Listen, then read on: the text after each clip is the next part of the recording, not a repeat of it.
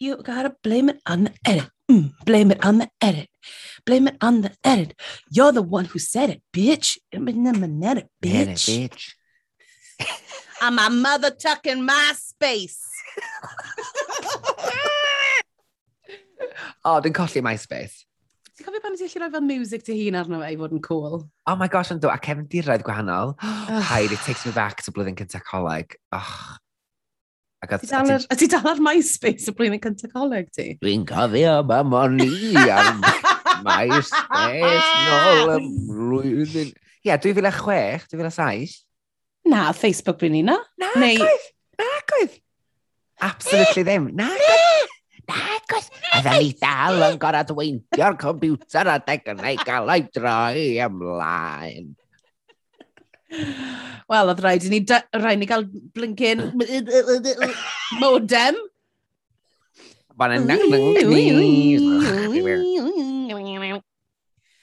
Mor hyn. Croeso i berad arall o Queens, efo fi Meilir Rhys Williams, a'n mam ni oll, Mary Beard. Hello! Wel, wel, wel. Am rhaglen o thys yma, be ti'n meddwl? oh, dwi just, nes i e, ochneidio efo'r o ryddhad ar ôl gorffen y benod, achos nes i fwynhau'n ofnadwy, ond i'n meddwl bod hi'n benod gymaint gwell. Dim yn yr un un lig oedd os eitha, mm. so dwi'n hapus. Arthas cynt. Arthas cynt. Fi gytuno, nes i, I loved it. O'n i fel, oh, great. Yeah, no, no, we'll discuss in detail nawr, wrth gwrs. Okay, let's dive in. So, da ni'n cael rhyw cap a wythnos dwytha not that we needed it, amdan y snatch game, a rifer a treithiau yn gadael, I mean, ouch, mm. mae hwnna dal yn so subject. Ac nôl yn y workroom, maen nhw'n dod at y mirror a maen nhw'n darllen y lipsticks. Oh my gosh, o'n i'n lyfio'r reference y neges river i dinner date. Okay, uh, uh, uh, come dine with me. So oh, you've got the grace of refer reversing dump truck. What a sad little life Yeah. thing. references, references, pop culture. We love it. That's what we're here for. That's what we're here for. Little nuggets of Easter eggs in every episode. Thank you very much. It's very satisfying to find them. Uh, yeah, so mae River Medway gweud, um, you've won, girls. Fi'n deall y reference nawr. Uh, you've won, girls. Enjoy the badges. I hope you spend them on some lessons in grace and decorum because you have as much grace as a reversing dump truck. Love you all, River. Dyna un peth am gyfres yma, mae mae o'n llawn pop culture references. Prydeinig, specifically. Yeah. yeah which I Katina. love. Yeah. Mae mor satisfying, dydy. Oh my god, oedd o mor shady pan oedd Crystal ymddeheiro ar ran y ddwy. A mae lipstick, o'n i girl! As, Astina would say, rude. O'n i Yeah. fel, fu- like, whoa, Crystal. What the fuck? Dim deledi yw and actually it was fine. Rude. Rude. Well, it wasn't fine, was it? But anyway, it wasn't your uh, Well, place. I mean, it, I mean, it was, it was, it was, it was, it was, it was what it was. it was what it bloody was. a mae Neges Teresa yn gweud, My peach and my heart would always be full of love. O Samos, sisters. actually, fi, be, be oedd hwnna? Spanish? Fi ddim yn gwb, fi ddim yn gwybod Spanish. A gan mae Ella yw'r enillydd hi sy'n glynhau'r drych wrth yma na fe. Mm -hmm. um, wedyn mae Dolls yn mynd i ystod lawr, a maen nhw'n cael y chat, a maen nhw wastad yn debrief. Fan y ti'n gweud bod hi wedi cael digon o fod yn y uh, gweilod, y tri gweilod, a mae Kitty sydd yn mynd, story of my life! Okay. So, a mae Kitty eto'n gweud bod hi ddim yn cael, ba wedi cael badges, a ti fel, okay, A ti'n pan mae... So see what this episode is. ma Kitty yn mynd, oh, I haven't had one. A wedyn mae Fanny's mynd, why is that? Why no badge? Oh, that, I ooh, love that. Girl, I love that. Right in there. Na, um, na bywyd i, um, um, mae critiques fi wedi bod yn really ddad. Fi fel, so why no badge? Fi'n lyfo pa mor shady, like, under the radar shady, mae yeah. Vanity. I'm, I'm here for it. I love yeah. it. Just, just stirring, stirring the pot. Just a light stirring of the pot. Mm-hmm. Loved it. Oh my gosh, oedd y mor awkward rhwng Scarlett ag Ella. O, paid. Pa- Wel, obviously mae Scarlett ddim yn hoffi Ella, achos mae Ella, fel oedd ni sôn wrth y wastad yn kind of pulls her up ar I don't know what. Mae ma, ma sort of wastad yna i to put the knife in, so wedyn ni, mae Scarlett, beth mae'n gweud, um, me and Kit are the only ones in the room that made Rue laugh, and fel, girl, even though obviously you've just won Ella. Yeah, Ella mynd, okay. well, I did just win the comedy challenge. Yeah, I mean, what a what a what a save gan Ella. Fel, mm, no, I don't think so. yeah. Little girl. I Ac hefyd y ffaith bod, well, there's never been a winner, a RuPaul's Drag Race winner who has had, hasn't had a personality. Neu beth bynnag, don't see that? Oh yeah. Well, yeah, given. I mean, I mean, say something I we don't know, Scarlett. I would say Violet Chachki, her personality came out after the series, I feel like, on there we are. But she, she, well, she was green, wasn't she, on the show? This, the cursed season seven. Ti wedi gweld y fideo na, yr um, pit stop episode efo uh, Trixie Mattel a Violet Chachki, a maen nhw fatha'n siarad drwy'r benod o, o uh, y gyfres Americanaidd, a mae Trixie sy'n gofyn i sad, um, Violet am ei barn ar bob un, a mae'n mynd, no, no, Mae Chase mynd, well, this, I, I like this. No. No. Mae werth chi wachad, ewch ar YouTube, teipiwch fewn Trixie Mattel, Violet Chachki, Pit Stop, gwyliwch y benod, mae o mor entertaining, a mae Violet just yn wych yn efo. Mae ma, ma hi, like, she's really come out of a shell yn all. Oh, like, mae'n amazing. A mae'n neud efo tafod yn y boch hefyd, so sy'n neud o'n lot fwy satisfying. Anyway, ni ddim yn siarad am cyfres sain, ni'n siarad am Violet Chachki, i ni'n siarad am uh, RuPaul's Drag Race. Race. So, UK! A dyn ni'n gweld wrth yma taw un o'r judges yw Alicia Dixon o The, the, the Scandalous Miss T. Bum, bum, bum, oh, o, a o, a o, a o. Dwi'n caru'r ganau, dwi'n cofio gwrth yn canu efo, Caru fa. Hefyd, oh my gosh, pa mor sensational o Michelle yn edrych. Oh, oedd hi'n edrych yn amazing. Oh my god, y gwallt masif, y oh. ffrog hir goch, llaeth, velvet. Oh, mm, loved Bumpy it. Bumpy Queen, I was mm. here for mm. it. Ac mae Alan Carr yna hefyd. O'n i'n on in hoffi y siwt yna ddyn gwisgo ddo. A fi fydd. Like shimmery suit. Yeah, yeah, nice. Sorry. Anyway, y diwrnod nesaf yn y workroom, uh, maen nhw'n gyd yn dod mewn ac yn posio. Sydd yn... So Yw e fel, fi'n gwybod bod e wastad, dim really wastad i bod yn thing o rhyw Paul, ond mae'n, seems more pronounced bod nhw'n sort of mynd i'r ffred ac yn posio nawr. Ond i ddim di sylwi arno fe gymaint, mae jyst yn teimlo'n really, mae'n teimlo fel sioe... Ie. Yeah. Oedd dechrau podcast ni pan fel... ni'n canu. Oh, rude. rude bitch. That, that's actually very natural, mae lewd. Um, Off the Mae fe'n teimlo fel, a nawr dyn ni'n mynd i wneud y sioe, a mae hwnna'n sort of cario ymlaen fi credu pan maen nhw'n mynd i'r um, i'r bordd. Um, ond gallai'r sgweud, mae rhywun wedi rhoi gris ma'n achos oedd Alan gwisgo t-shirt. um, oedd y gweddill dal yn, yn gwisgo cot, oedd nhw'n dal yn oer. Oh my god, at the moment yn rhan y bord, pan oedd Ella mynd want some milky o'i, oi pecs yn eitha, ew. I mean, I know there's a bit of a fetish in the gay world for men to like pecs and stuff, but I don't need that. I don't need that. um, Nath hwnna neud i chwerthin. Milky, milky. milky. Hefyd, maen nhw'n pwysio'r narratif ma eto, eto fydd bod Kitty ddim wedi ennill eto. Ac o'n oh i'n meddwl, de, o'n i'n meddwl y bys ni'n trafod heddiw mae ffaith bod Kitty ddim yn ennill y gyfres yma, and she was going to be that one queen. Tod so, Rose mm. neu um, Jan, tod yn y cyfresu Americanaidd, oedd byth yn ennill. So, um, ac o'n i'n dda, oh, I don't need that. Sa'n neud bod mor rhwystredig a min. Ti'n gwybod, ond mae'r narratif yma o, o Kitty ddim wedi ennill bythodyn, di bod yn cwpl o'r nosa nawr. A fi'n credu oedd pawb yn meddwl bod hi'n mynd i gael o'r diwetha, a wedyn ni gethon ni sioc mm. gyda hmm. Ella. So it's very much in the stars gyda um, Kitty am ennill badge. Um, wedyn mae Kitty out of character yn bod yn really shady tuag at um, Vanity yn gofyn pa synthetic wig mae hi'n mynd i wisgo wrth yma. A Scarlett wedi mynd, oh, a basket get on your head! Dwi'n ni fel, oh, all right, well, all right. rude.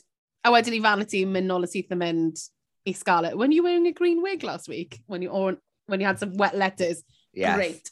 Ac hefyd, my, you know, Vanity deserves a little, a little side dig, I think, achos she does dish it out. Oh. Vanity loves that wooden spoon.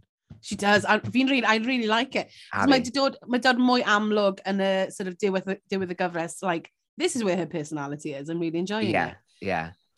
Wedyn ni'n cael, ooh, her majesty done already, her, her, her, Ti wedi cael y cys. Diolch am hynny, Meili. Hey, ladykins, beauty's in the eye of the beholder. But to prove you're truly sickening, don't get cute, get drop dead ugly. a dyna hati ti waglu. Um, a mae rhyw yn cerdded mewn i'r workroom yn suit navy blue gyda Chris Raspberry yn edrych fel Divo C sy'n dod lan at y tîm Pirin a Brystydd yn Osadwn. um, ag yn gweud wrthyn ni, taw'r Maxi Challenge wythnos yma yw The Fugly Beauty Pageant. Ys mae ti wedi bod yn safi ar leina. E. It's, it's true. It's true, though. Oh, I've genius. seen that. I've seen that combination of fucking shirt a, a suit mailer, and it's cracked onto me at 2 a.m. ar efo red wine Oh lips. my gosh, genius. Absolutely genius. O ti'n dall y dasg ma? On. O ran fatha bod yn ffyglu ag bod yn ddel, I need that. I would be so confused. Wel, mae ffug... Ma, ma, well, mae rhywun Paul yn gweud, mae ffugly yn friend, you gotta love yourself. Ni fel, okay. A wedyn mynd mlaen i weid, no. So basically, mae'r aesthetic yna o fod bach yn hyll, ond on, on, it's so ugly, it's beautiful, yeah? Okay. So maen nhw'n cael gwybod beth yw'r look, a wedyn maen nhw'n cael amser i wneud i hyn yn barod. Ac yn llunio'r outfit. A ddim bod y dasg, dwi'n dwi gwybod bod fi newydd dweud bod fi'n mynd all da, ond mae'r elfen a'r ffaith dyn nhw ddim yn cael gwybod beth di o, a mae'n time limits, mae hwn yn mm -hmm. sialent hollol newydd i'r gyfres mm -hmm. yma, yn etig yn y Brydeinig. Ac so, dydy'r dydy, dydy byd pageants ddim mor fawr yn y wlad yma, ond ar yr un pryd, mae jyst yr elfen hwyl yma o wneud o yn hollol mm. um, off the cuff ac yn hwyl ac adi'r pressure yma, ond mae'r categories yn ddoniol. Just, yeah. yn, o'n i'n meddwl, o ran, o ran tast, o'n i'n meddwl bod wedi hit the nail on the head, go iawn. Na, cytuno gyda ti, oedd yn teimlo, oedd yn teimlo fel, oh, mae gennym ni challenge newydd, achos mae'r ma challenges mor formulaic. De. Um, ti'n gwybod beth sy'n mynd i ddod, a hwn just fel rhywbeth completely newydd, a rhywbeth really fun. Mm. Um, nes i, o'n i'n, I loved it, nes i really joio, um, joio nhw. A ni'n cael gwybod y categori cyntaf yw Fugly Swimwear, a mae gen nhw 69 munud i fi wneud hynna'n yn barod. Loved it. Childish, babiedd, gwirion. yeah. Briliant. Hefyd, a ni deithio chdi Mari cyn i ddechrau recordio, doedd rhyw ddim fatha rhyw Paul the Drag, drag Queen mm. hyn. So rhyw had to get ready in 70, well, 70-ish minutes. Mae dim dychmygu bod y Queens yn gorau sefyll ar ochr o'r llwyfan ar ôl gwneud i swimwear am hir ofnadwy nesaf. Dwi'n rhaid bod Raven wedi cael... Ti ddim yn meddwl? Wel, ddim yn ofnadwy, dwi'n meddwl. Dwi'n recno mm. bod Raven hmm. wedi llwyddo i fatha, I think she can beat a face in mae'n awr. Ti'n meddwl? A wedyn bod nhw'n gorau aros well, hanner falle, awr. ond fi yn meddwl bod nhw yn aros gefn llwyfan am yn hir siwr o fod yn aros am rhyw, I mean, no, Rue waits for no man. no. But also, um, all, all men wait for Rue. Ooh, mm -hmm. deep, Meilir. Yeah. Wedyn ni... Uh -huh. A wedyn mae'r Queens yn rhedeg rownd y wyll pan maen nhw'n cael yr amser yma, a mae gen ni segwe eto seamless gan y producers yn gofyn i Kitty droi rownd a mynd, speaking of ugly, has anyone been trolled online? Mae'r segways mae fewn i'r sgysio mae'n mynd yn fwy a fwy hilarious fel tro, ond dwi'n meddwl dwi na'n fanity wrth yswythaf yn cymryd yr, er, cymryd y wopr gyntaf. I don't know. Mae nhw'n... Speak... Maen nhw, maen nhw mor ridiculous. Maen nhw, maen nhw'n well sy'n nhw'n gwneud joke o'r peth, a just bod yn hollol agored. yeah. Tell you what, guys, speaking of being ugly, has anybody been trolled? Mae hwnna, oedd hwnna'n mad i fi, achos no one said ugly. They just said fugly yn un yeah. peth. A wedyn fel, speaking of that, has anyone been trolled? A ti'n gallu gweld, maen nhw bach fel, yeah, I'm putting my make-up on. Stan ni ddim lot o amser i wneud hon, ond yeah, mae rhaid i fi ateb, so maen nhw'n rhoi... Of our producers that, we need content, guys, we need content. literally, literally. A ni'n cael Crystal yn sôn am pa mor mwy o hyderus ydy hi yn drag. A sôn am y ffaith bod hi ddim wedi bod yn intimate gyda rhywun sydd yn... Mae'n contradiction mawr i'r persona drag yna mae'n rhoi allan yn yma. E. Yndi, ac, ac hefyd, mae o'n dangos holl, ochr hollol vulnerable fatha, ie, yeah, mae'n bod yn vulnerable mm. efo'r queens eraill. Ni'n cael gweld Indeed. ochr ddyfnach i'w chymeriad hi, ochr lot fwy diniwed iddi, sydd yn wahanol iawn i'r persona ofnadwy hyderus mae mae'n gyflwyno ar, ar yr enwau. Nes i werthfarogi cael gweld yr ochr yna, y ffaith bod i wedi bod yn agored. A fi. Um, a ti'n beth yn licio mae'r ffaith, uh, mae'r time pressure yma, ar y Queens wedi golygu, sgennyn nhw ddim, beth sy'n briliant amdano fo yn y ffordd mae'n helpu nhw ydy, they've got no time to get in their heads. Yeah. Mae nhw'n ma hollol... Uh, uh, yn y foment, ac yn sort of, reit, mae rhaid i ni, ma rhaid, a hefyd mae ma sort of cael gwared o'r elfen yna o dawt o be fi'n mynd i wneud, mm -hmm. just gyna fe. A dyna be fi'n credu, mae fe'n da, ma fe yn dangos pa queens who can get it together a wneud pethau'n iawn a rhai queens sy'n falle bach yn dodgy. A mae'n cadw'r un y saboteur wrth y drws, tu allan y drws. Mm, Di tad.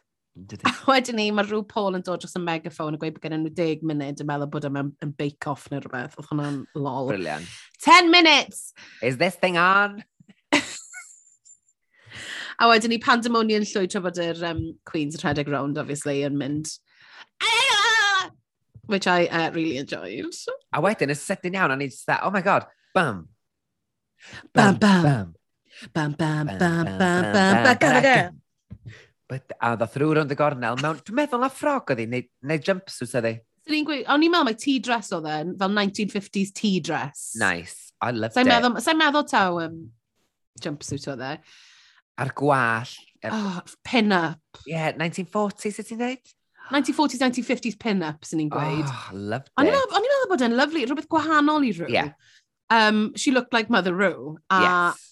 A nes i rili really licio'r outfit yma. Ni'n meddwl bod hi'n edrych yn gorgeous. A mynd hefyd chydig bach efo'r holl beth neu o charity shop a chydig bach yn fwy yeah. vintage. Fi'n licio, really nice. fi licio pa mae hi'n neud stuff fel yna sydd hi'n neud gyda'r... Um, y challenge. Mae'r ma, ma thema tipyn bach. Yeah. Um, ond hefyd, I think that's a pretty easy outfit to put on. Yeah, So, sy'n meddwl bod y, y time constraints yna yn kind of falle bach yn llai. Dim tight, mm. well maybe a mm-hmm. tight, but yeah, fel ti'n dweud. Maybe, no I mean, a wedyn ni syth mewn y joggers. Yeah. a ni'n cael uh, dechrau runway cynta. Ac yn gynta ar y runway, uh, Fugly Swimmer, mae gennym ni Vanity Milan yn gwisgo fel yr padded swimsuit melyn ydi. Fi'n cysau y lliwiau melyn ydi gyda'i gilydd. Mae e just, it's my, it's my thing, fi'n casau, e. I don't like it. Fi, fi ddim yn gweld beth yw'r pwynt. Ar wahan bod e ar wasp, ble mae e fod, it's just dim angen e. mae yna ma, na, adeilad yn mynd lan yn gyrdydd ar y funud sydd yn ddi ac yn felyn, a mae fy neud yn sic pan fi'n cydyrheibio fe. O, oh, na. Ie, yeah, dwi allai ddeud yn reit agored ac yn reit ydyn. Um, o'n i'n licio hwn, ond eto, o'n i'n dda, Dwi'n yn gwybod os dwi fod, os dyna beth da neu beth drwg. Dyna'r peth yna fe, o'n i fel, o, oh, mae'n ffugly ddo. Ie. Yeah. Achos o'n i'n, o'n i o'n i'n meddwl bod yn o, e, e, oedden i'n meddwl bod yn ffain, oedd yn eitha bulky, so ddim cweit yn ffitio hi'n iawn. Yeah. Ond o'n i fel, o, oedd hwnna fod i fod fel na ddo, achos... Ie, yeah. dyma ni'n mynd all.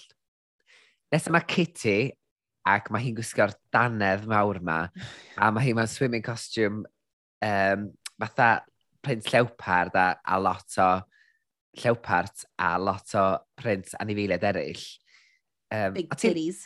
Ie. Yeah, oedd o just yn camp ac yn sili a mm -hmm. nes i fwynhau hwn. O'n i'n dall sut oedd hwn fatha'n ffyglu. Ie. Yeah. Wel, mae Kitty really wedi mynd am y camp yn dofe gyda'r gyda, gyda um, pageant yma, sydd yn kind of wneud synwyr i'r pageant fi'n credu. Mm. Um, fi'n meddwl oedd eto ddo, o'n i'n meddwl hwn, o'n i'n licio'r sort of, y gwallt horrible o'r danedd mawr na, o'n i'n meddwl bod yn cute. Yeah, fine, fulfill the brief. Yeah. A wedyn mae gen ni Scarlett yn dod lawr yn yr um, swimsuit gyda cathod arno fe, fe a'r sort of cap nofio. O'n i'n licio hwn.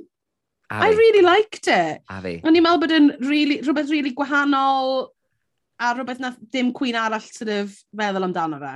O'n i'n mylicio pan nath i fynd lawr a cocio llyfu ei hun fatha cath.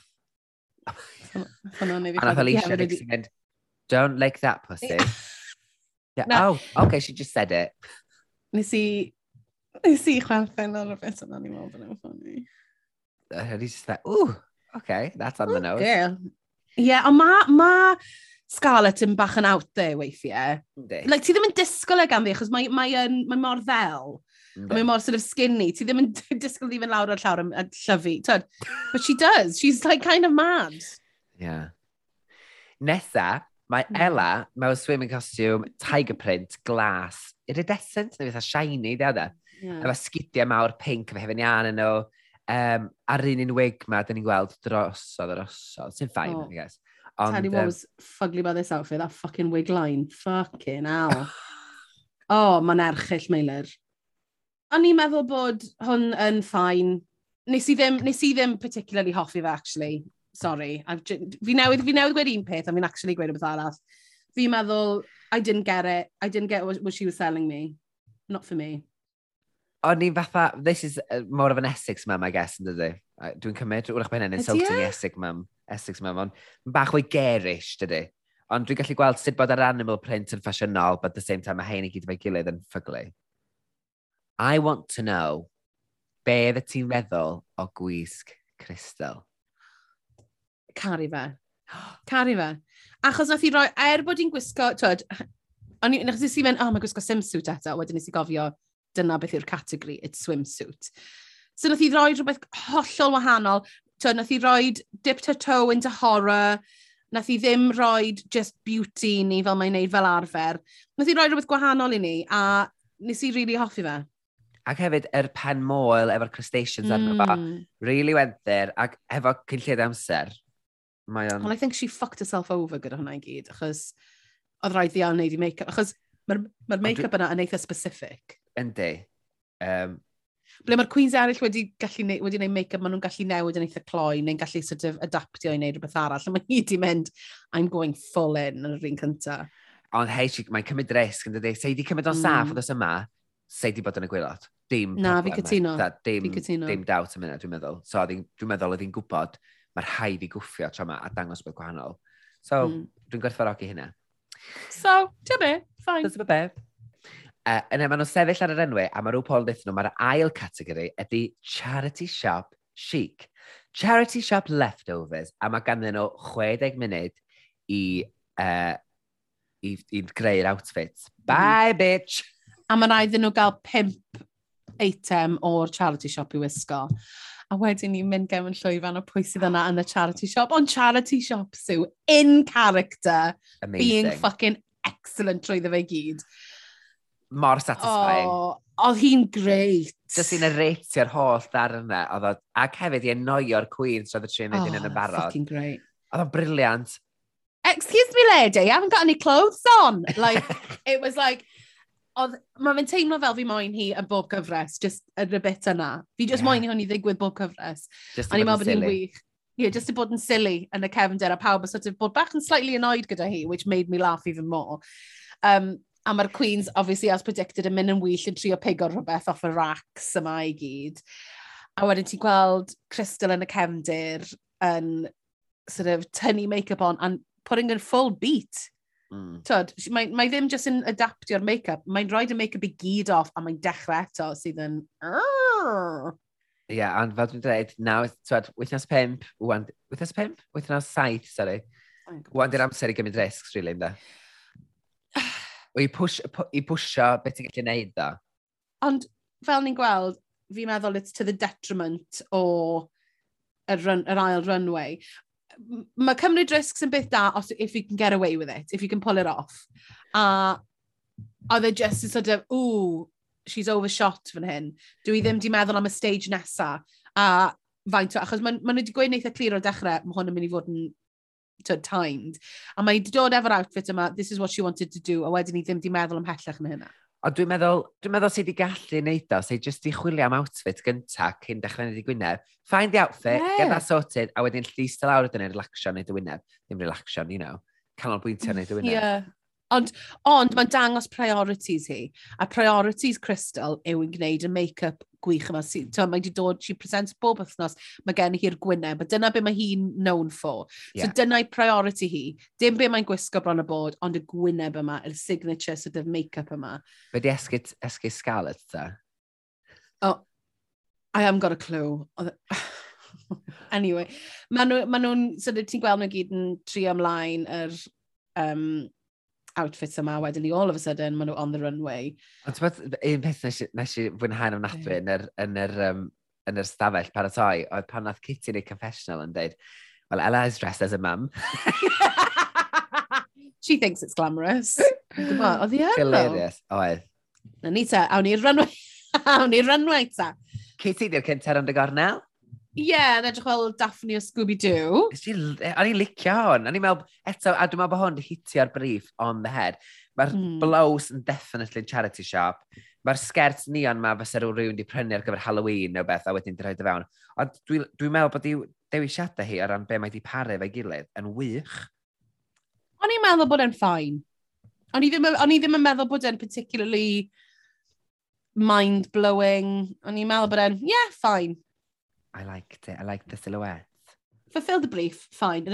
Iawn, da iawn hi. Yeah.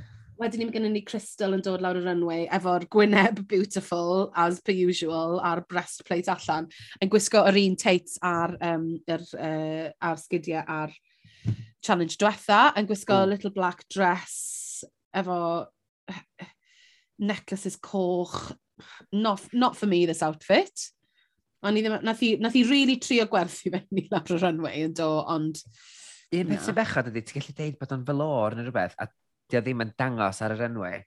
Um, a fel ti'n deud, sei jyst i roi rhywbeth, sei di roi bolero neu mm. rhywbeth efo, dwi'n mm. siŵr bod yna rhywbeth fysa ti wedi gallu rhoi dros dy... Uh, ond mae eisiau dangos i chorff, des. Ti'n cofio pan oedd hi'n rhedeg rown yn gwisgo fel, oedd hi'n edrych rown i gwisgo coban neu rhywbeth ar un pwynt. Mwmw.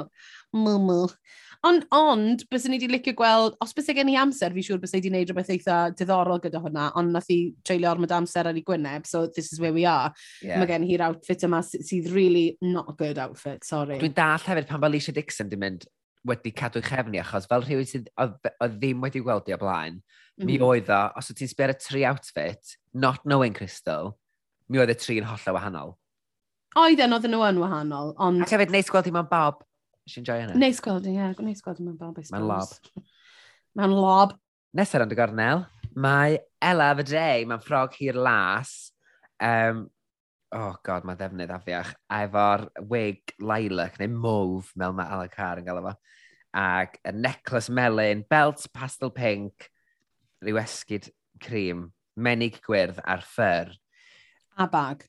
A bag. I fi, dyma, o da fi problem gyda'r outfit yma.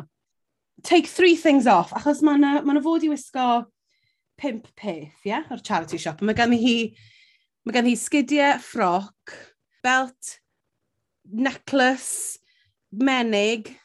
Dau breis, tri breis, tri, bl tri bracelet. Y stole yna a'r bag.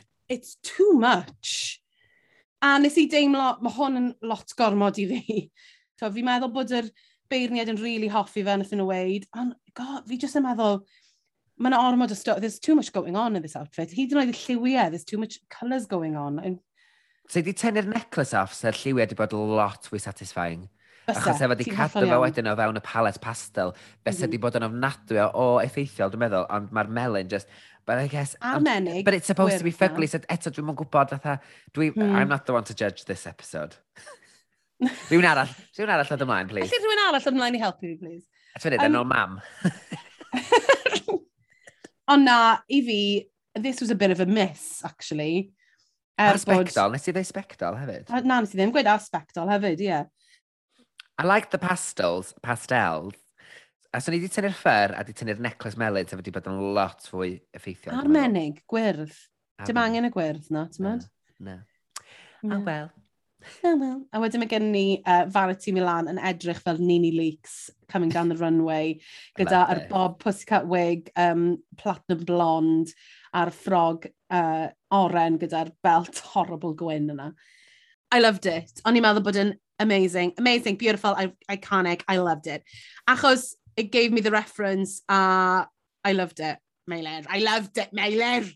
A fi. Lliw mae mor lyflu arni hi hefyd. A mae hi'n gwybod hynna, achos oedd yn y weithi wrth ystwatha. Ac mae ma gwneud hynny'n dangos bod hi'n gwrando ar critiques, ac mae'n glyfar iawn yn deud hyn ar yr enwau nes ymlaen, mm. yn, yn cyfeirio at faith, sbiwch dwi'n gwrando, nath chi ddeud wrth y switha bod oren edrych yn neis ar ynghoen i, felly dwi wedi gwrando, dwi wedi cymryd mm. hon.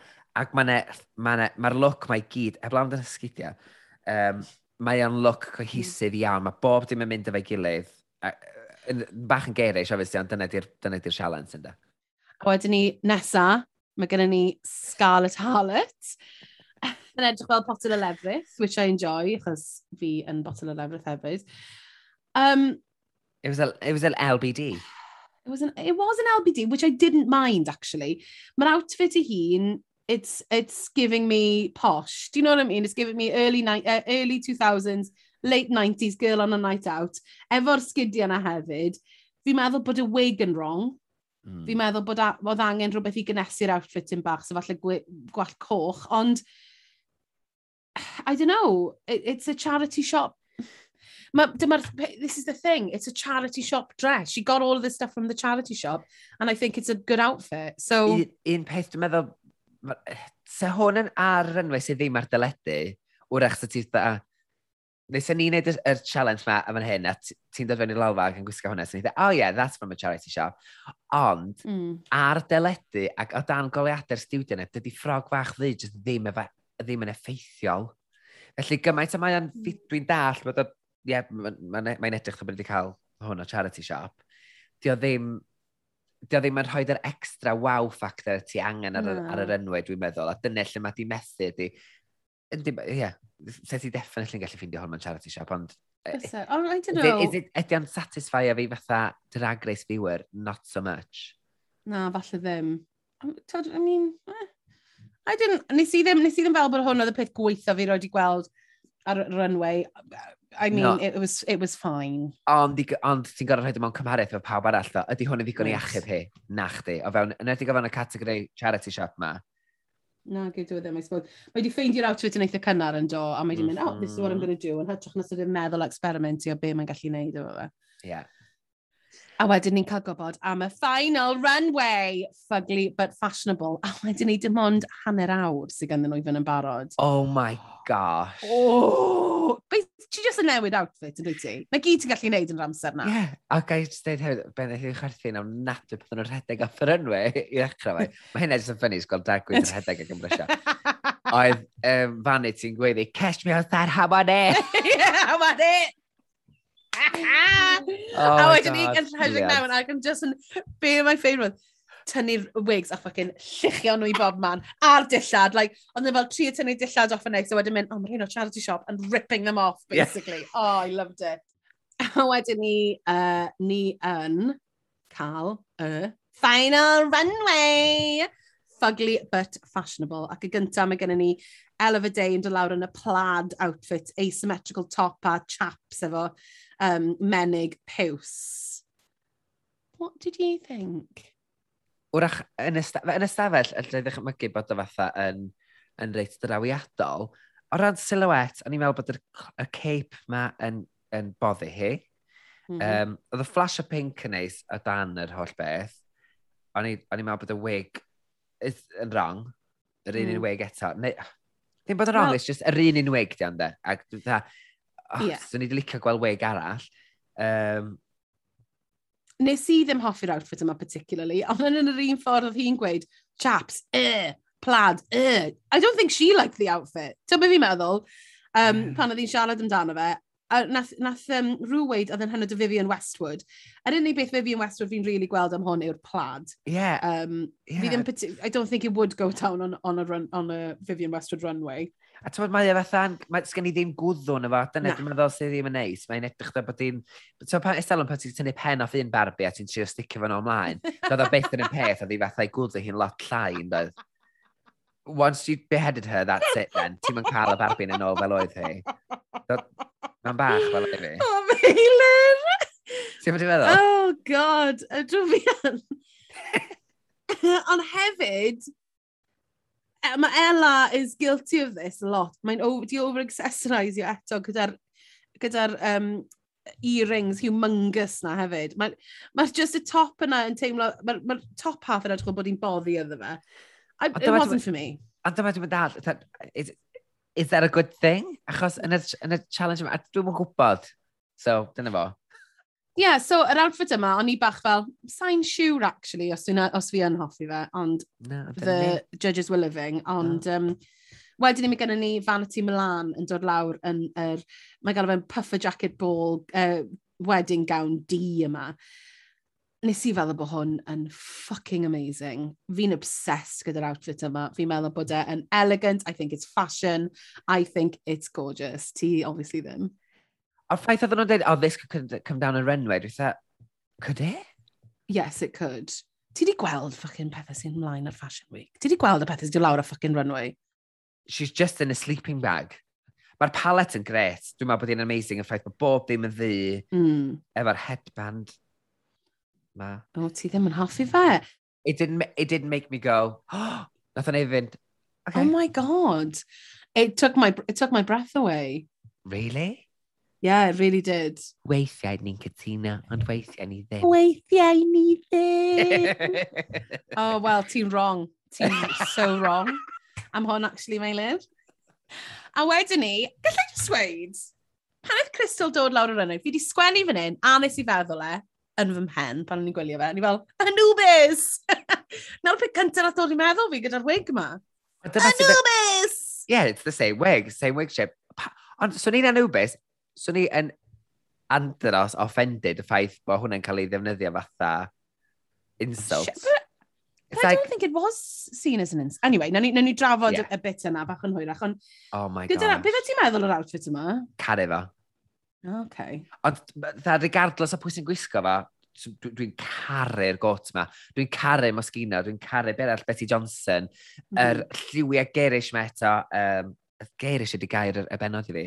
Yeah. Er, E- e- mae yr ffer, fake ffer ma, mae lot o bethau sydd wedi talu at ei gilydd sydd, ddim, sydd yn wrong, ond rhywsut pan mae wedi rhoi at ei gilydd fel hyn, mae'n gweithio i fi, dwi'n dwi fwynhau o. Mm. Fi ddim yn gwybod be i feddwl am yr outfit yma, and I think bod e yn, it's a thing yna o bod yn fugly. Um, yeah. Fi, fi, ddim, fi ddim yn gallu gweud bod fi'n hoffi fe, yr outfit yma. Fi just ddim, I can't bring myself to say it. Fi ddim yn gwybod pam fi jyst ddim yn hoffi'r got, fi jyst ddim yn hoffi'r cot nos look. Weithiau ni'n cytuno. Weithiau ni ddim. Nes yn y rownd y gornel, mae Scarlett mewn, uh, well, tracksuit neu jumpsuit fel o'r pink efo'r... Ai, ug heels ydyn nhw. Nw'n edrych uh, na ah. ryw... Na, ci. O'n i'n meddwl bod... Na, mae'n edrych. Mae gen i fur cuffs yn nhw'n does? Oes, oes. A mae gen i'r quilted jacket arian ma, mae gen i'r bra, dwi'n gweld dan, e i'r top leopard print o dan yr er mm -hmm. tracksuit, yr er wig coch.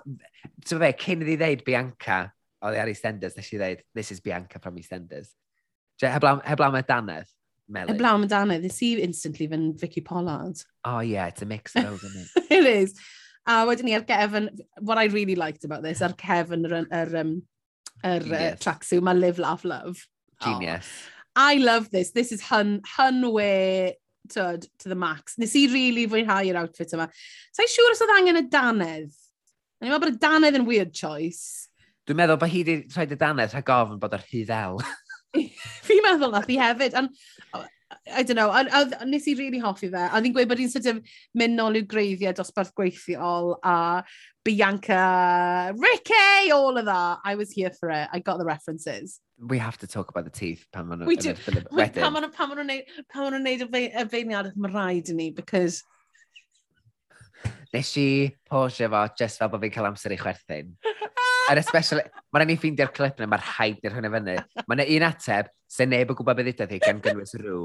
Ag, a dda'n absolutely genius. anyway, Um, wedyn ni, yr outfit all ar y runway yw Kitty Scott Claus yn dod lawr yn y jumper Kitty lady yma yn edrych fel geek, sort of, librarian woman. A wedyn ni, mae gennym ni reveal! Mae tynnu fe off a mae gennym ni y sgert bach glas yma gyda this is skitty.got claws. Sort of, beth sydd wedi gael hwnna? Vest? Woolen vest gyda'r blows hyll. Oedd hyn yn ffasiynol. Oedd ni'n arfer gwisgo hyn o Top Shop. A dda reidi gwau, heb lewis. Fi'n cofio chi. Oedd nhw'n ffasiynol. Fi'n cofio chi. Dros lot. grysau. Oh my god, a mae'r oh my god. A weithiau, weithiau, dros grysau, weithiau o dim Cris, oedd e just yn sewn in gyda'r yeah, llewis. Ie, y goler. O, oh. gynnau ambell un a hein. Dri yna chi, e, early, early 2000 babies, dynion, dri yna chi. You, you really went through it. Gan fach chi'n meddwl bod Mari'n meddwl bod fi wedi cael yngeni yn yr early 2000s. Na, na, na, na, na. O'n i fatha yn, yn teenager yn yr early 2000s. O'n ni, oedd y ddau ohono ni yn teenagers, mate. And... Ni'n vintage. Ni'n retro. Ni'n really retro. Uh, be ti'n meddwl? Loved it.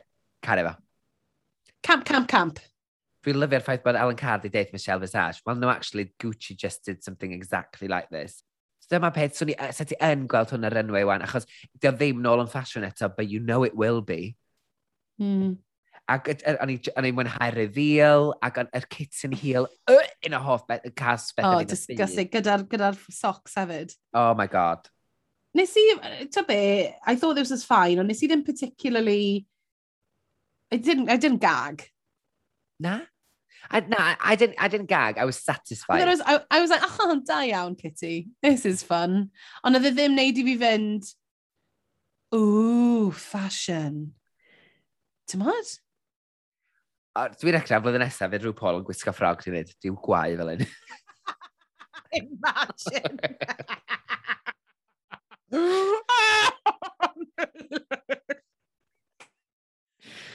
Ymlaen yn ni i'r deliberations, ac maen nhw'n dweud, Kitty, you've had a strong night. Um, and Alan Carr yn dweud, you'll be hearing from my lawyer.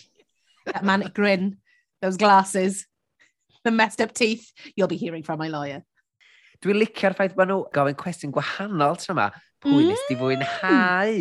Which is a very nice twist. A nath hi ddeud bod hi'n mwynhau Scarlett a uh, fersiwn Scarlett o, o Bianca o EastEnders. Yeah.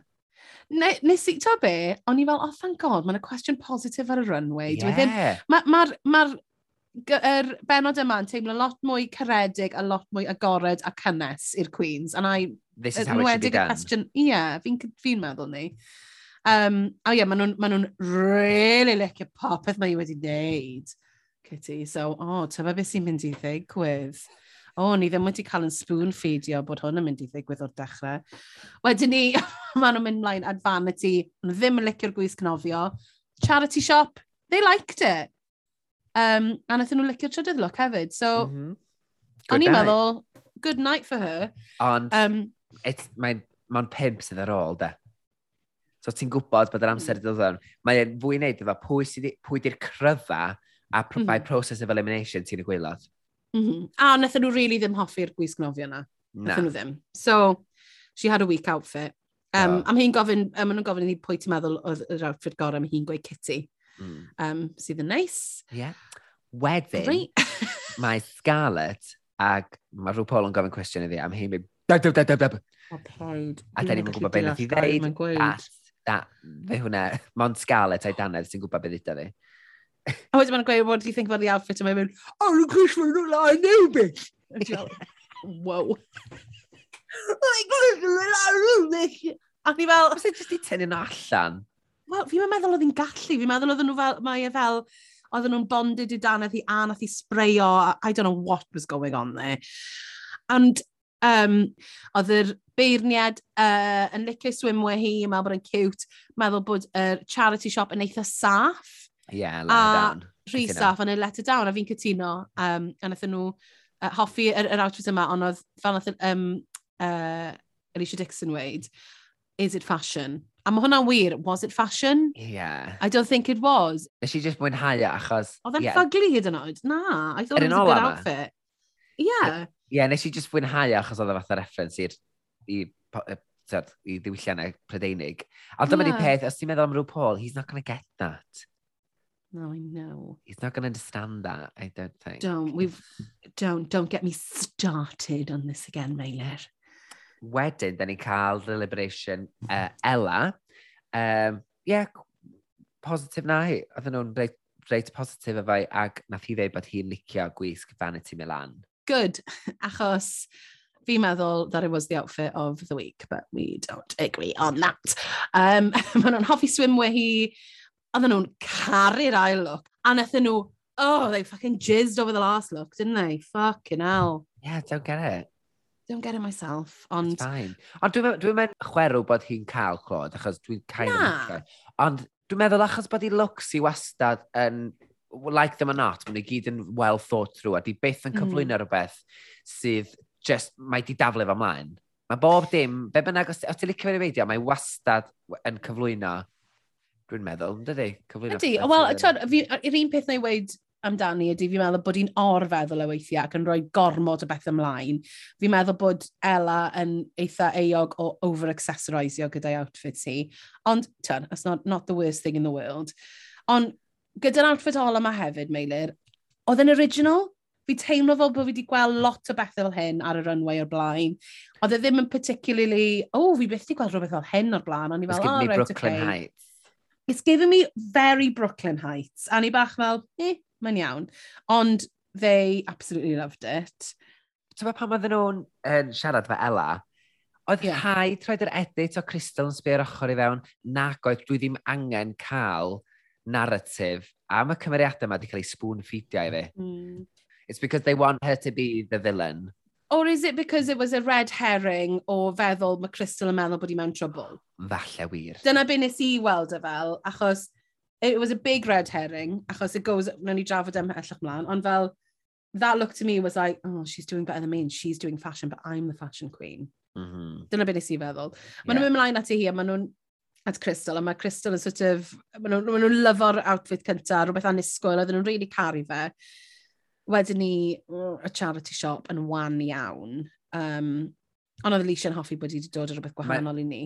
Mae'r ffaith bod Alicia yna ac heb weld Crystal o blaen, dwi'n meddwl wedi mm. gwneud byd o le sydd i hi o ran cadw ei chefni, achos nath o atgoffa'r judges eraill, a, tha, ti allan i gyd-destun, o fewn y dasg mm. yma, mae kind of at a push fits it. Ond it wasn't a satisfying look. I don't, I, I disagree. Fi'n meddwl oedd e ddim yn look da iawn.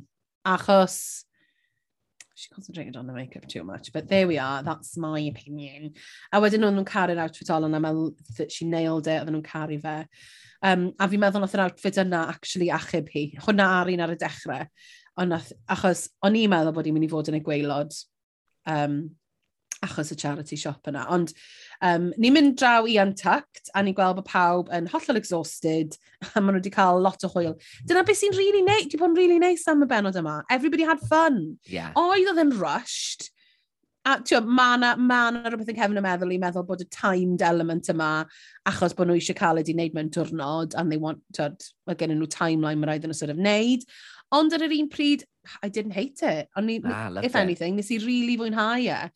Achos oedden nhw'n cael gymaint o hwyl, achos maen nhw wedi dod i'r pwynt yna yn yr, um, yn y competition nawr, ble maen nhw gyd efo'i gilydd a maen nhw'n ffrindiau. Yeah. So ni'n meddwl bod yn neis.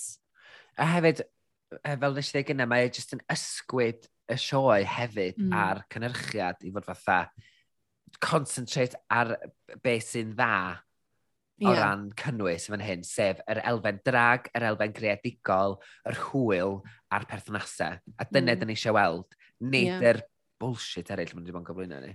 Oh, nid, a, hef, a hefyd, nid y ffucking... So, has anybody got any fun stories? To, ni ddim eisiau hwnna dim mwy. Ni'n yeah. joio'r bits eraill. Yeah, exactly. Um, A wedyn ni... Uh, oh, Crystal yn pissed off. Pissed off wedyn ni. Um, achos bod Scarlett wedi gweud bod hi'n edrych fel Anubis. O'n i'n meddwl bod yn ffynnu. I think it was a funny thing to say. Dwi'n meddwl, mae'r Scarlett just bach on the nose, dydy. Mae, mae, uh, dyw tactegau cymdeithasol hi ddim yn ofnadwy mm. o um, ofalus. Na.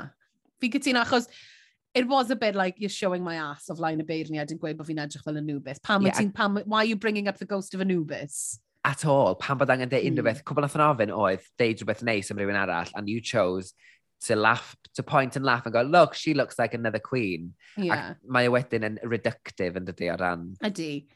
Ond fi'n credu i, tyd, i amddiffyn Scarlett, fi'n meddwl bod hwnna yn rhan o RuPaul's Drag Race. Ti yn kind of throw some shade, ond ti hefyd yn trio wneud i rhyw chwerthin. Yeah. A dyna be mae hi'n gweud ar y dechrau, ti'n meddwl. Fi'n credu mae dyna be oedd hi'n trio wneud. Oedd hi'n, it was a bad attempt at humour. Um, yeah.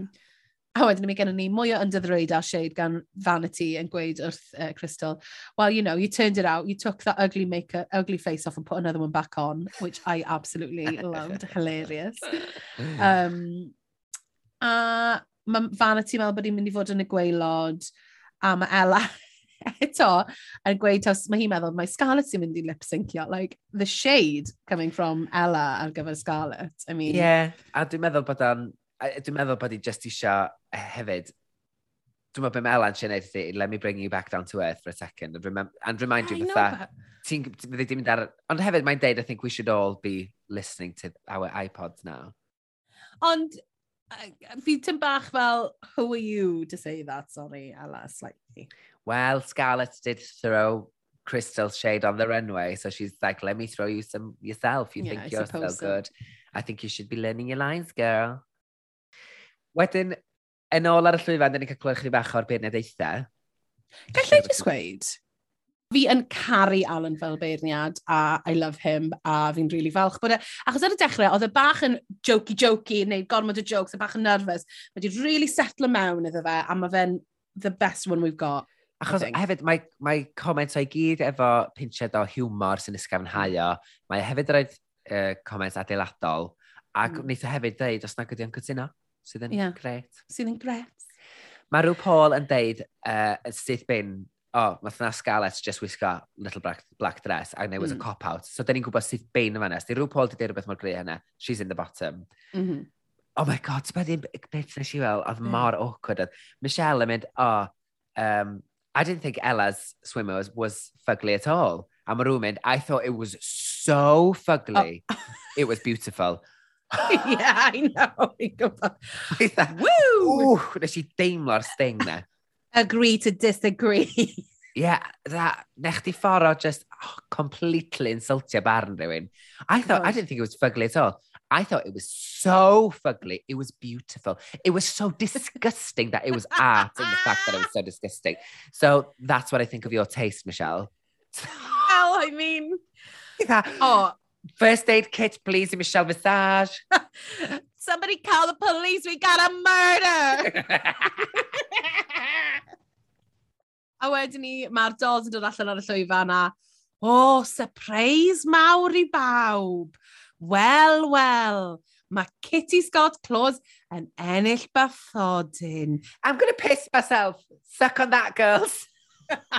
Nath hwnna ni, nath i um, reaction hi made it for me. A dyna beth sy'n mor neis am Kitty. Because other than a weid yn a deliberate relation, she doesn't give a shit. She's having the time of her fucking life ar, ar yeah. llwyfan na. Yeah. Fel, uh, ti'n gweld yn y confessionals, ti'n gweld y popeth, pan mae'r Queen's dechrau cwmpa mas, ti'n gweld hi yna loving every moment. Dyna beth sy'n mor neis amdani hi. She's taking this all in a stride. Ti'n poeni mm. dim, mae'n cael amser neis, fel ti'n dweud, ti'n mm. byd yn mm. cael ati ar yn stresiau.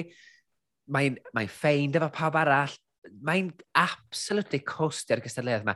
A dwi, ond dwi'n meddwl weithiau mae hynny to a detriment because ar gyfer stori enillydd, maen nhw angen mm. gweld rhywun yn stryglo ac yn ennill ac yn, ac yn um, goresgyn rhywbeth. Ac mm. mae Kitty fatha, this is a walk in the park for me. Wrach bod ddim yn yeah. llwyddo bob wythnos, ond sy'n byd yn cael y gorau â ni. Felly i'r no. producers, maen nhw fatha, we need to see a journey and we haven't had one. Na, achos, achos mae, di, mae nath i gerdded mewn drwy drws a nath i mwynha, mae di mwynhau o'r eiliad cynta. Dyna oh, pam, yna fe. I love. Na fi, fi'n meddwl bod yn really nice. Um, a wedyn ni, ni'n cael clywed bod Crystal yn saff. I think the privi, priv, I think the pretty privilege strikes again gyda hi, frankly. Oh, sorry. na, dwi'n angytuno. Achos, se unrhyw un arall i gwisgo'r swimwear nath i wneud, oedd hwnna'n hollol wahanol.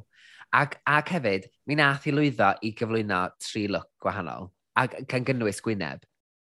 Oedd yr ail outfit yna yn awful, Meimir? I think it was awful. I honestly don't think it was awful. Mm. Weithiau ni'n gytuno. Weithiau ni'n cytuno! Weithiau ti'n wrong! a ni'n cael clywed... Uh... Straight away straight away, pwy sydd... Mae e sort of, right, let's go, let's go. Mae gen i yeah. Scarlett o Vanity yn y gweilod a ni'n clywed bod nhw'n mynd i lip-syncio. Ond dwi'n meddwl bod hynna eto gan rhyw Paul yn dangos this is now a process of elimination. So, mm -hmm. chi sy'n mhm. y gweilod. A dwi'n ddim yeah. achos bod fi wedi dewis chi fod yna. It's just, oedd well gen i fi'r lleill. So, tough. Yeah. A to be, fair enough. Achos, yeah. fine. Yeah. Um, a wedyn ni... Oh. Ac hefyd, os ti'n meddwl am track record? mae'r ddwy ma'n ddwy ma sy'n naturiol yn y gweilad. Ie, yeah, yeah, cytuno. A oedd yr outfit fel y swimwear cyntaf Vanity wasn't great. Nes i licio pob outfit arall nath i wneud, ond oedd um, Scarlett hefyd yn eitha gwan. So, two bad outfits, why not? Um, wedyn ni, uh, ni'n clywed y gan. The Scandal. Scandalous gan Miss T. Nath fynd am i nôl i fod yn teenager, loving my life. Ah. Absolutely loved it. Ti'n pwy oedd yn hot? Yr unig berson fi'n credu nath mwynhau y lipsync yma mwy na fi oedd Alicia Dixon. Ah. Oh my god. O'n i mor hapus. Na chdi feirniad arall nath, yn amlwg mae di, mae di arfer beirniadu ar uh, reality Strictly, competition yeah. things. Ac hefyd um, Britain's Got Talent. Ond beth yn gret fy hwn, dwi'n meddwl, be, be ni'n fwynhau fwy amdano fe ydy, mae hwn jyst gymaint fwy hwyl ag i gymarfer rhai eraill mae wedi'i gwneud, mae hwn i gyd amdan just bod yn wirion ac dathlu a... And she enjoyed every second of being on this show, I think. RuPaul's Drag Race! Brilliant. like, be ni'n caru, oedd fel, nath i sefyll lan, nath i ddawnsio, nath i ganu efo'r Queens, nath i ddechrau rapio'n ganol e, achos, oh. achos oedd yr egni oedd hi'n cael oedd i y llwyfan yn amazing. Twyd, nath i ni gael vanity yn syth allan o'r, um, achos o'n i'n meddwl, go, be mae'n mynd i wneud yn yr outfit yma, syth mewn i'r absolutely gorgeous sort of gold thing. There was no oh. way oh. bod Scarlett yn mynd i syrfeifio. Na. Da nes i sgwini lawr, oedd lip sync um, Vanity a'i backup y dancer yn briliant. Ooh, girl. Dim ots pwy arall fes yn sefyll ar yr enw yma. Na. Fysa gennych chi ddim gobaith. Ag nes i O'n i jyst yn sbio ar Vanity ac o'n i'n meddwl bod o'n lip sync. Frickin' briliant. Ac so Scarlett, oedd Scarlett ddim yn awful. Na, oedd hi'n ffain. Pan oedden nhw'n dangos i. Oedd hi'n neud moves fatha bod hi'n dawnsio i, um, tam gwybod, Justin Bieber ddo. Ti'n gwybod, fatha, hey, di, di. Lle, you need to get yeah. down and like gritty efo Mystique yeah. Scandalous ag, a sexy ag, nath, nath Vanity just roed hwnna i gyd yn ei. Do, she gave us everything. Oh, I loved a, it. Tyd, a, a um, Alicia was living for it, I was yeah. living for it, a pawb, they were there in the room. Hwn oedd un o'r lip-sync sgora fi wedi gweld. Ie, yeah, yn y gyfres yma. Full stop. Gan, oh, gan Vanity, wow. fi'n meddwl oedd Vanity roi rhywbeth i ni that we were, ni, we were parched. Oedden ni sychedig yeah. ac i roi y diod lovely yma i ni. Oedd llygadau rhyw Paul ar fatha di agor yn fawr ac sy'n lle dweud, mm-hmm. she's into this. Excited. Mor satisfying. Oedd yn really good. A ddyn ni, o'n i on just fel, oh, finally. Oh. A dyna, dyna un o'r a eto, e, oedd yn really nice ending i'r um, episode yma. The natural, oedd yn eitha, eitha amlwg pwy ddim mynd i adael. Oedd y ddau yn y gweilod, ond i ddim yn mynd i bod yn y gweilod, I get it. Yeah. A nath Scarlett fynd, um, a oedd yn teimlo'n deg.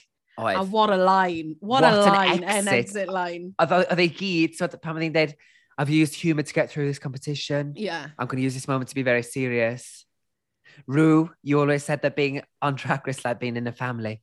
Well, I've got one thing to say to you. Try cerdded mor satisfying. Yeah. You hate mam, mama! Mama! Be the fwy satisfying beth oedd Rue Paul yn gweithio'n ôl wedyn. Yes, yes, I am! Achos a hwnna hefyd jyst yn dangos that, oh, I do love you, Scarlett. O hi mynd, yes, I am your mother. Yeah. Ond i dda, oh, that, what an exit.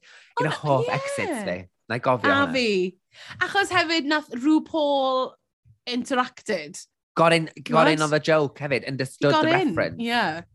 A na, oedd yn very nice. A hefyd, it was very, very Scarlett. Oedd, ag ffordd um, oedd hi'n dathlu'r ffaith bod hi wedi bod ar y gyfres. Oedd o ddim yn, mm. oh, I've left, oedd hi fatha, I've had a great time. Oedd ti'n gallu gadael yn... fel e, hwnna di'r ffordd orau adael o fatha. Yeah. Dathlu'r ffaith, leave on a high, de. Chwarae teg iddi. If you've ever been bullied, you show those bullies. Beth oedd e? Never forget. Fuck the world. You tell those bullies. it wasn't a five minute monologue of how you've shown everyone. It is now on a t-shirt. I want that t-shirt. Just so I can look I in the mirror and remind too. myself when I'm feeling down what to do. You go out that world and you tell those bullies that the bullies are wrong and you are right. And when you do the right things, good things come to you. oh, God. Screw the world and Uh, love yourself. And remember that those bullies are now probably working in Tesco and You're on RuPaul's Drag Race. Sorry. Sy'n mynd yn cael ei dweud. Wedyn, da ni'n cael uh, uh, clip oedd Tessa ac er, uh, mae'n acting challenge arall, sef yr overacting challenge, a da ni'n cael uh, misdirect neu direct bod Ella yn cael traffaeth. Dwi'n ddiddorol. Mm -hmm. A da ni'n cael gweld mai er, beirniad ydy Russell Tovey. Wan, I'm going to get serious with it for a second. Mae gen i fi broblem mm-hmm. mawr o'r ffaith bod Russell Tovey ar er, panel um, dwi'n gwerthfawrogi, fel person, dwi'n siŵr bod o'n berson hyfryd ac mae'n actor da, I guess. Ac um, uh, mae o'n, dwi'n siŵr bod o'n gwneud lot o beth ar gyfer y gymuned, ond uh, yn hanesyddol, mae o wedi deud pethau problematic ofnadwy mm -hmm. mewn publications, a wedi cael cyfle ymddeheir amdano nhw wedi gwrthod, lle mae wedi bod yn ofnadwy femphobic, um, am yr amser oedd o'n egluro pan ddoth allan. A dwi'n recno bod hyn wedi dod o'r ffaith bod wedi cael traffaith gyfer rieni fel pan ddod allan. Dwi'n gwerthfawrogi hynny hefyd, ond eto pan mae gen ti blatfform a ti'n defnyddio fe i rannu'r negesuon yma, mae gennau broblem efo fo. Ac mewn cyfweliadau blaen, mae wedi deud bod o'n ddiolchgar bod o wedi cael ei yrru i um, stage schools pan fydden iau, achos fel arall mm. fysa wedi troi allan yn effeminate, a mae'n mor falch bod o ddim wedi troi allan yn effeminate.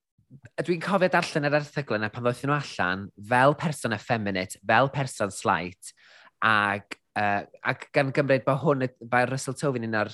Sam lot o actorion allan hoiw yn y mainstream, yn dod neu ddim adeg yna yn enwedig, oedd efo'r platform oedd ganddo fo, mae'r ffaith bod wedi defnyddio fo wedyn i galvanisio y gymuned straight as lic neu'r er, er mainstream i fod fatha, hmm. yes, being a feminist is wrong and, and I don't like it and I'm so glad I'm not that.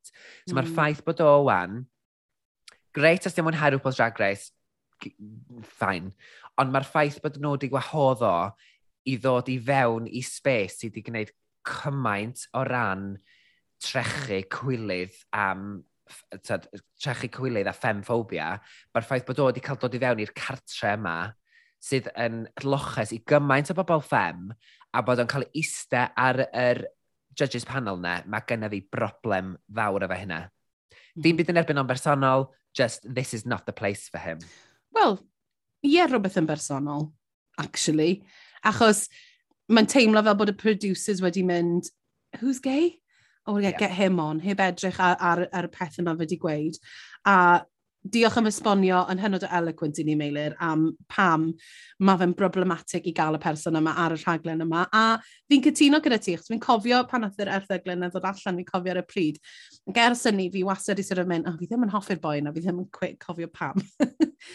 um, ond, uh, yeah, diolch. Thanks for flagging it. Meilir, because it needs to be done. Ac hefyd, mae'r ffaith bod o'n wedi fod yn beirniadu y bobl mm -hmm. queer yma, sydd yn dathlu bob agwedd o'i queerness, mae'r ffaith bod o'n mynd i fod yn eistedd fanna, fatha straight passing gay man, mm. um, sydd wedi gwneud penderfyniad uh, i fod yn straight passing ac i kind of fly under the radar achos bod o well gan o'n wneud hynna, achos bod o'n, dwi'n meddwl, achos bod o'n meddwl bod hynny'n well, yn really problematic mae homophobia ddim ond gyda pobl straight, mae homophobia o fewn y gymuned hoiw mm. Mm-hmm. hefyd, a fi credu oedd yn bod comments oedd ei weid yn y gorffennol am um, bod diolch byth bod e ddim yn effeminate, diolch byth bod e ddim wedi mynd i drama, i, i stage school, because if I, because I, I gweud bod e sort of, he, he couldn't, eh, uh, beth mae'n gweud, he couldn't, um, exercise that feeling of bit, being a, a scared little rat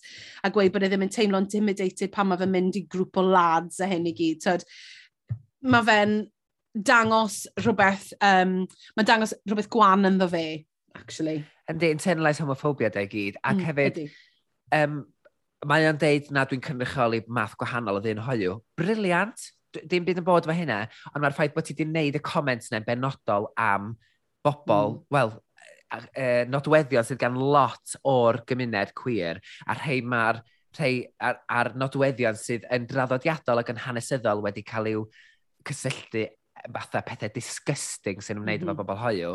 Mae'r ffaith bod o wedyn wedi cefnogi'r agweddau hynny yn ofnadwy mm. problematic. Ac okay. this is not the space for him. Na, fi'n cytuno gyda ti. And that's on period! ac ar y nod yn hynod o positif yna. A, dwi'n marw falch mae'n cael penod neis da. Na ni just delay e o'r, or benod nesaf. Na ni just, we'll just pretend he's not even there. Fi'n rili really falch bod ni wedi troi cornel gyda RuPaul's Drag Race yn y benod yma, achos nes i rand yn ôl ar y podcast o ddysdwetha, a fi'n credu o'n i bach yn rhy negyddol ac falle roedd nhw tipyn bach yn um, or um, emosiynol am y peth. Um, Achos, nes i rand yn ôl, ni fel, wff, gosh, calm down, Mari. Yeah, but we were all show. feeling it. Dwi'n meddwl, uh, the feeling was mutual, so paid y phoeni, ti'n angen ymddihiro. OK, wel, sos, os, os, os ni wedi dydych chi lawr. Ond, dyn ni nôl, back on top gyda rhyw po. Fi'n edrych mlaen i wrthys nesaf, bra wars, Yes. mae'n mynd i fod yn ffynnu. Fi yn hoffi'r acting challenges, achos maen nhw'n, mae yna recipe for disasters wastad. Mm -hmm. um, so, Na fe. Dilynwch ni ar Instagram, TikTok, Interactiwch efo ni. Tell us what you Interact think. Yeah. A os chi'n meddwl, os chi'n nabod rhywun sy'n hoffi RuPaul's Drag Race, fforsiwch nhw i rando i ni. Neu hyd yn oed i ddysgwyr, falle, os maen nhw'n hoffi RuPaul's Drag Race. O, beth o'ch chi, mi chi rando ar y ddau yma yn parablu ac yn siarad shit am RuPaul's Drag Race yn y Gymraeg. Felly, tan wythnos nesaf, hwyl ti gwyn!